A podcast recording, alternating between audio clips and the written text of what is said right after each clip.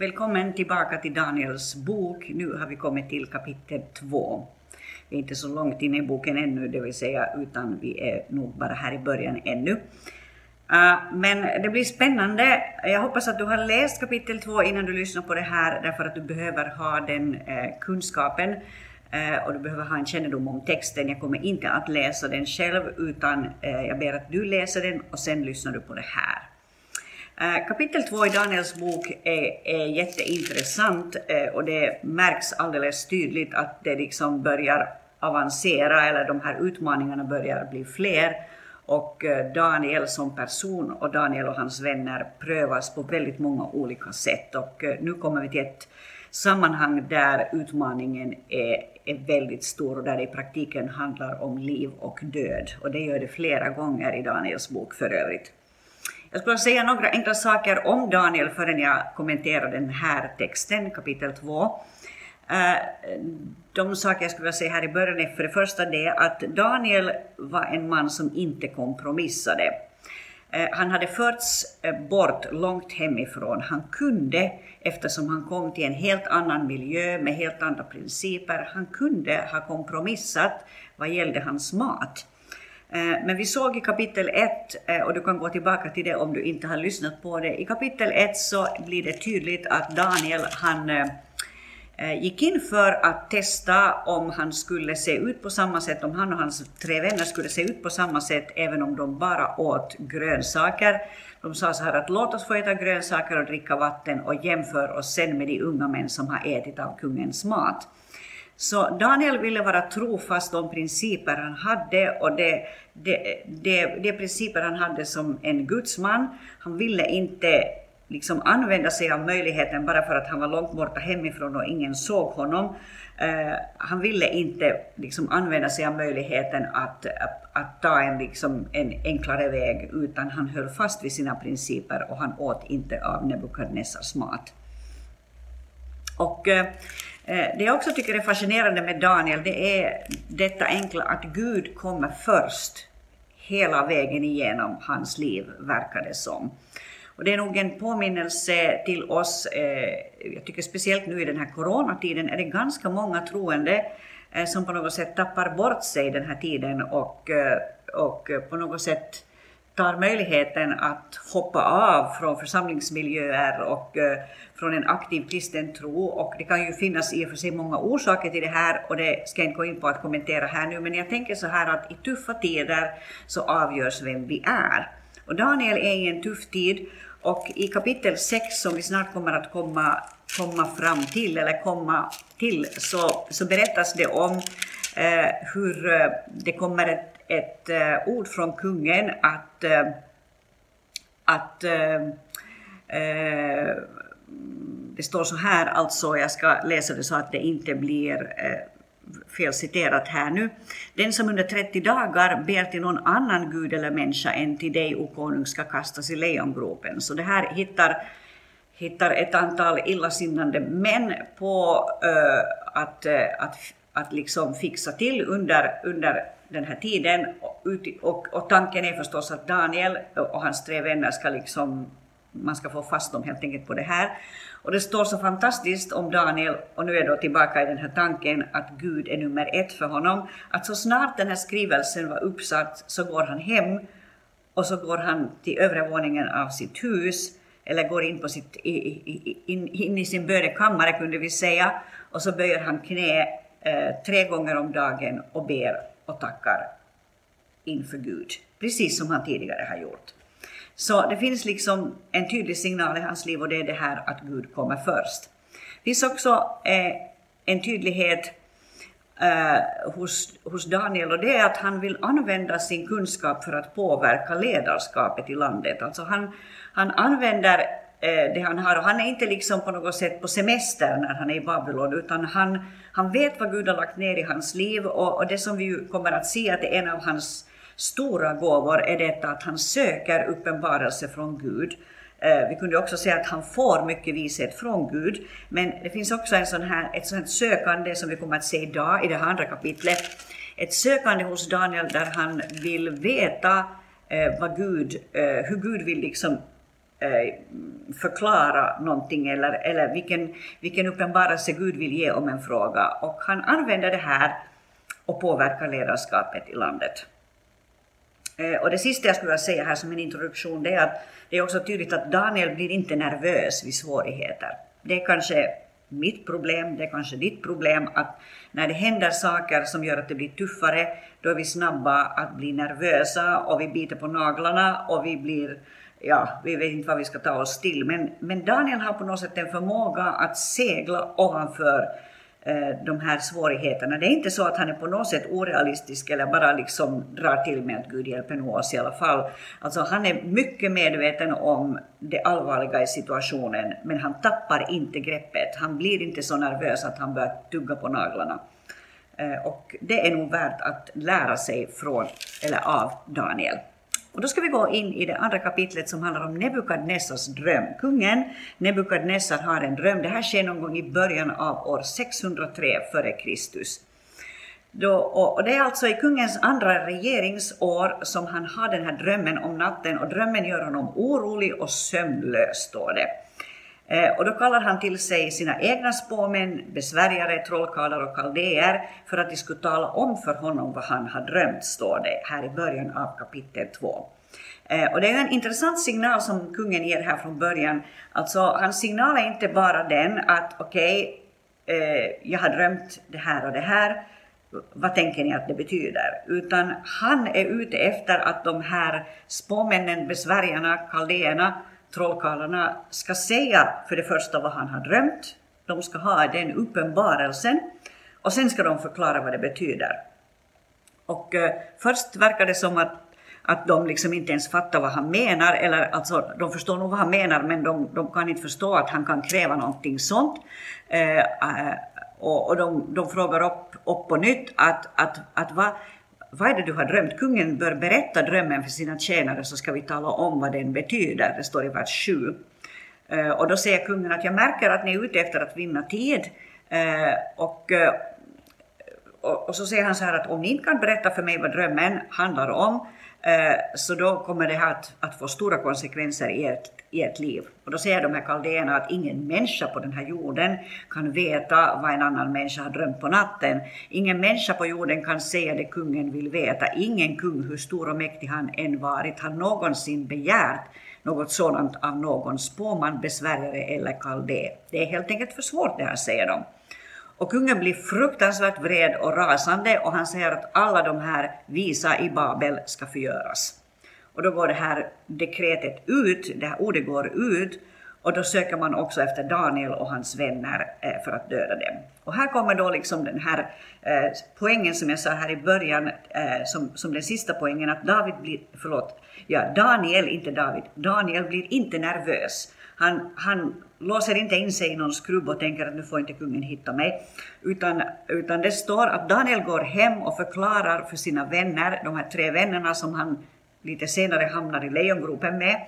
Han säger att nu ska de be om nåd, står det, från himlens Gud, så att hemligheten uppenbaras. Så han är ute efter uppenbarelse. Och jag gillar det faktum att ordet uppenbarelse återkommer ganska många gånger bara i det här kapitlet. Det står till exempel i vers 18. Han uppmanade dem att be om nåd från himlens Gud så att hemligheten skulle uppenbaras. Och så står det i vers 19, då uppenbarades hemligheten för Daniel i en syn om natten. Så står det vidare i vers 21 att Daniel kommer in i en lovprisning inför Gud och han säger att Gud låter tider och stunder skifta, han avsätter kungar, tillsätter kungar, han ger de visa deras vishet och de förståndiga deras förstånd. Han uppenbarar det som är djupt och fördolt. Han vet vad som finns i mörkret och ljuset bor hos honom.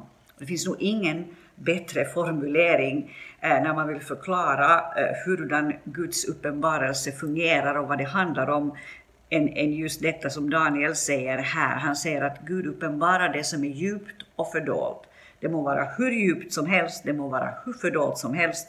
Han vet vad som finns i mörkret och ljuset bor hos honom.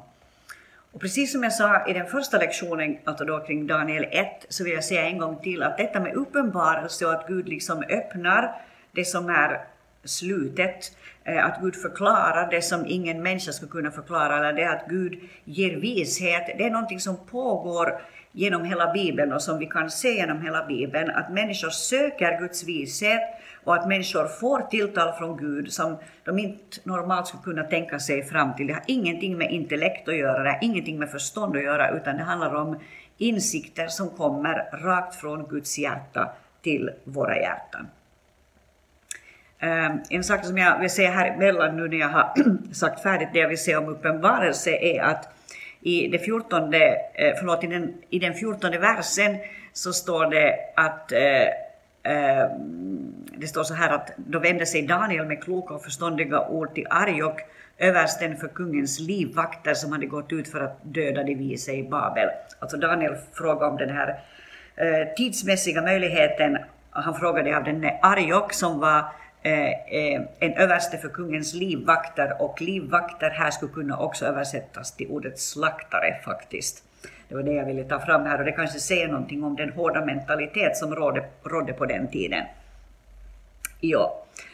Uh, och uh, nåja, anyway, uh, Gud uppenbarar det, som, har, det som fanns i den här drömmen som kungen hade och så går Daniel till kungen och, och nu har vi kommit så långt som till kapitel, förlåt, vers 27, kapitel 2 så står det så här att Daniel säger till kungen att den hemlighet som kungen vill veta kan inga visa män, spåmän, besvärjare, stjärntydare berätta för kungen. Och det är en väldigt tydlig signal som han ger, så han låtsas inte på något sätt göra någon slags kompromissförklaring här, att uh, han är inte liksom nervös över att ta fram vittnesbördet om vad Gud har gjort. Han är väldigt tydlig med varifrån visheten kom och det kan vi lära oss någonting av. Han försöker inte liksom tala någon slags förståelig version liksom i Babylon och säga att okej, okay, jag, jag låg och tänkte och så kom jag på det här. Utan han är helt tydlig med detta att det finns en Gud i himlen, vers 28, som kan uppenbara hemligheter och han har låtit kung Nebukadnessar veta vad som ska ske i kommande dagar.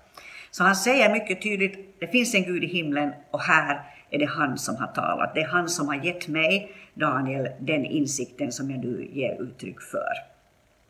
Eh, och eh, sen, eh, det här är bara min tolkning nu, och du ska inte sätta något mycket krut på det här, men jag tycker att det, det är intressant hur Daniel formulerar sig inför Nebukadnessar. jag tycker att han har en väldigt så som det är formulerat i vår bibel. Det är väldigt ödmjukt formulerat. Eh, mm, Daniel säger så här att Gud har låtit dig, kung Nebukadnessar, veta vad som ska ske i kommande dagar. Eh, och så beskriver han på ett väldigt så här mjukt sätt skulle jag säga eh, vad som var innehållet i drömmen och vad, vad Gud vill säga till denne Nebukadnessar. Han säger så här att när du, o konung, vers 29, när du låg på din bädd börjar du tänka på vad som ska ske i framtiden och han som uppenbarar hemligheter, där kommer det igen, ordet uppenbarelse, han lät dig veta vad som ska ske. Denna hemlighet har uppenbarats, igen kommer ordet där, för mig. Inte för att jag har mer vishet än alla, eh, utan för att kungen ska få veta tydningen så att du förstår ditt hjärtas tankar. Det är helt uppenbart, så som jag tolkar det i alla fall, att Daniel är ute efter att tala mycket positivt in i kungens liv och han är ute efter att på något sätt komma i en positiv approach. Och det, man kan ju säga att no, det är naturligt och det är förståeligt eftersom det ligger ett dödshot över Daniels liv, så vem skulle inte formulera sig försiktigt i, en i ett sådant läge. Och det är säkert helt sant. Men jag tycker också att vi kan lära oss någonting av Daniels sätt att formulera sig. Eh, att, att liksom ta tag i den där ödmjukheten, den där ödmjuka approachen när vi talar till andra människor och kanske ge dem en, en, en, ett försök till en förklaring på vad som har hänt eller vad Gud eventuellt vill säga till dem. Att, att liksom ta en ödmjuk approach och ta en kärleksfull approach. Och så börjar Daniel förklara vad drömmen handlar om. Så här ger han uttryck för den uppenbarelse som Gud har gett. Han säger, du såg i din syn, o konung, en stor staty, hög och med strålande glans. Den stod framför dig och den var skrämmande att se. Och så berättar han att, eh, att huvudet på statyn var fint guld, bröstet och armarna var av silver, buken och höfterna av koppar, benen var av järn och fötterna delvis av järn och av lera. Och så säger han så här att medan du såg på den revs en sten loss, men inte av människohänder. Och den träffade statyns fötter av järn och lera och krossade dem. Då krossades allt sammans, järnet, leran, kopparn, silvret och guldet. Allt blev som agnar från tröskplatserna om sommaren och vinden förde bort det så att det inte fanns ett spår kvar. Men stenen som hade träffat statyn blev ett stort berg som uppfyllde hela jorden. Om vi börjar från det sista som vi läste här nu, så den här stenen som hade träffat statyn och som blev ett stort berg som uppfyllde hela jorden, eh, brukar tolkas som en bild på Messias. Messias är eh, som en sten som blir ett stort berg eh, som kommer att uppfylla hela jorden. Han kommer att vara konungarnas konung, herrarnas herre en dag och alla ögon ska se honom. Eh, men så talas här då om, om, eh, om huvudet av statyn som var gjort av guld, bröstet och, och armarna av silver, eh, buken och höfterna av koppar och benen av järn och fötterna delvis av järn och delvis av lera. Eh, och det stod i en kommentar så här att man har tolkat så här att, att de här rikena som beskrivs här Eh, så handlar det egentligen om Babel eh, 500 f.Kr eh, om Medien och Persien 500 till 300 f.Kr., om Grekland 300 till 100 f.Kr. och om Rom från första århundradet f.Kr. Och, och framåt. Att det handlar om, om, om dessa riken.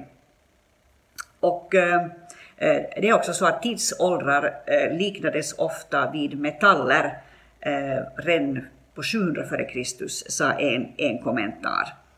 Eh, och eh, den här stenen eh, som då träffar den här statyn så är ju också någonting som omtalas på ett flertal andra ställen i Bibeln. Jag tänkte läsa några ställen för er. I Sakaria kapitel 3 och vers 9 står det så här att se den sten som jag lagt inför Josua.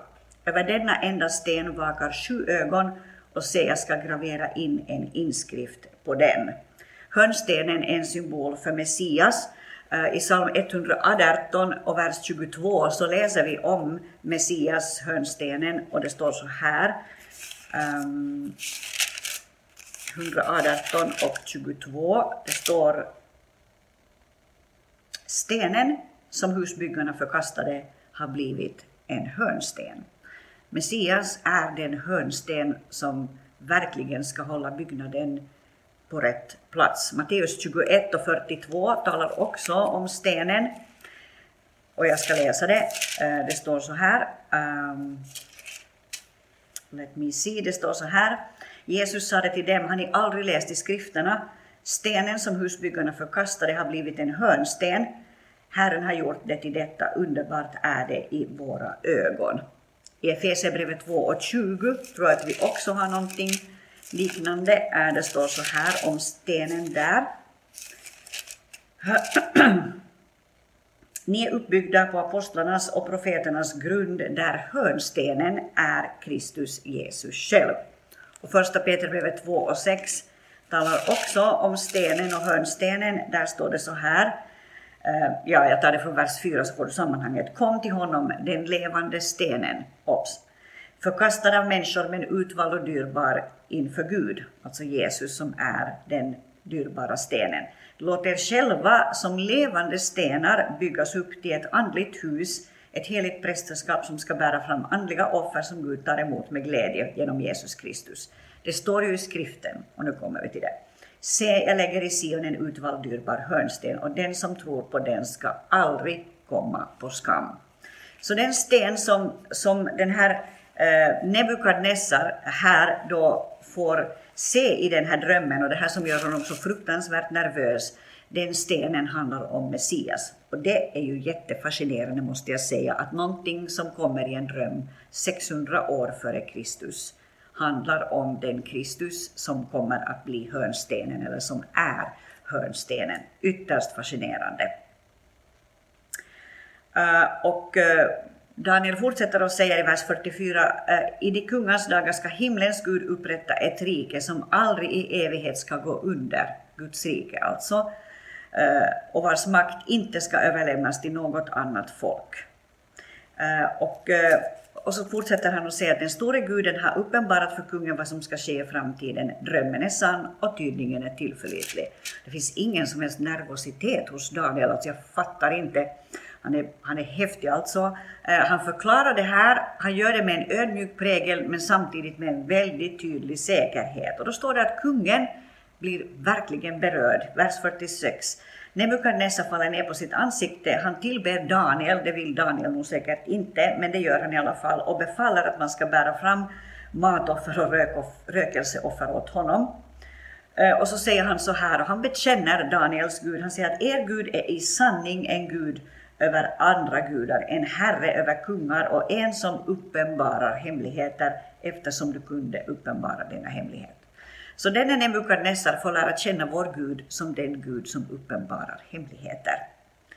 Och sen står det att han upphöjer Daniel, ger honom många stora gåvor och eh, på Daniels begäran, Daniel kommer också ihåg sina kompisar Sadrak, Mesak och Abednego som har bett tillsammans med honom och liksom varit i bönens kammare för det här förskräckliga som de hade framför sig.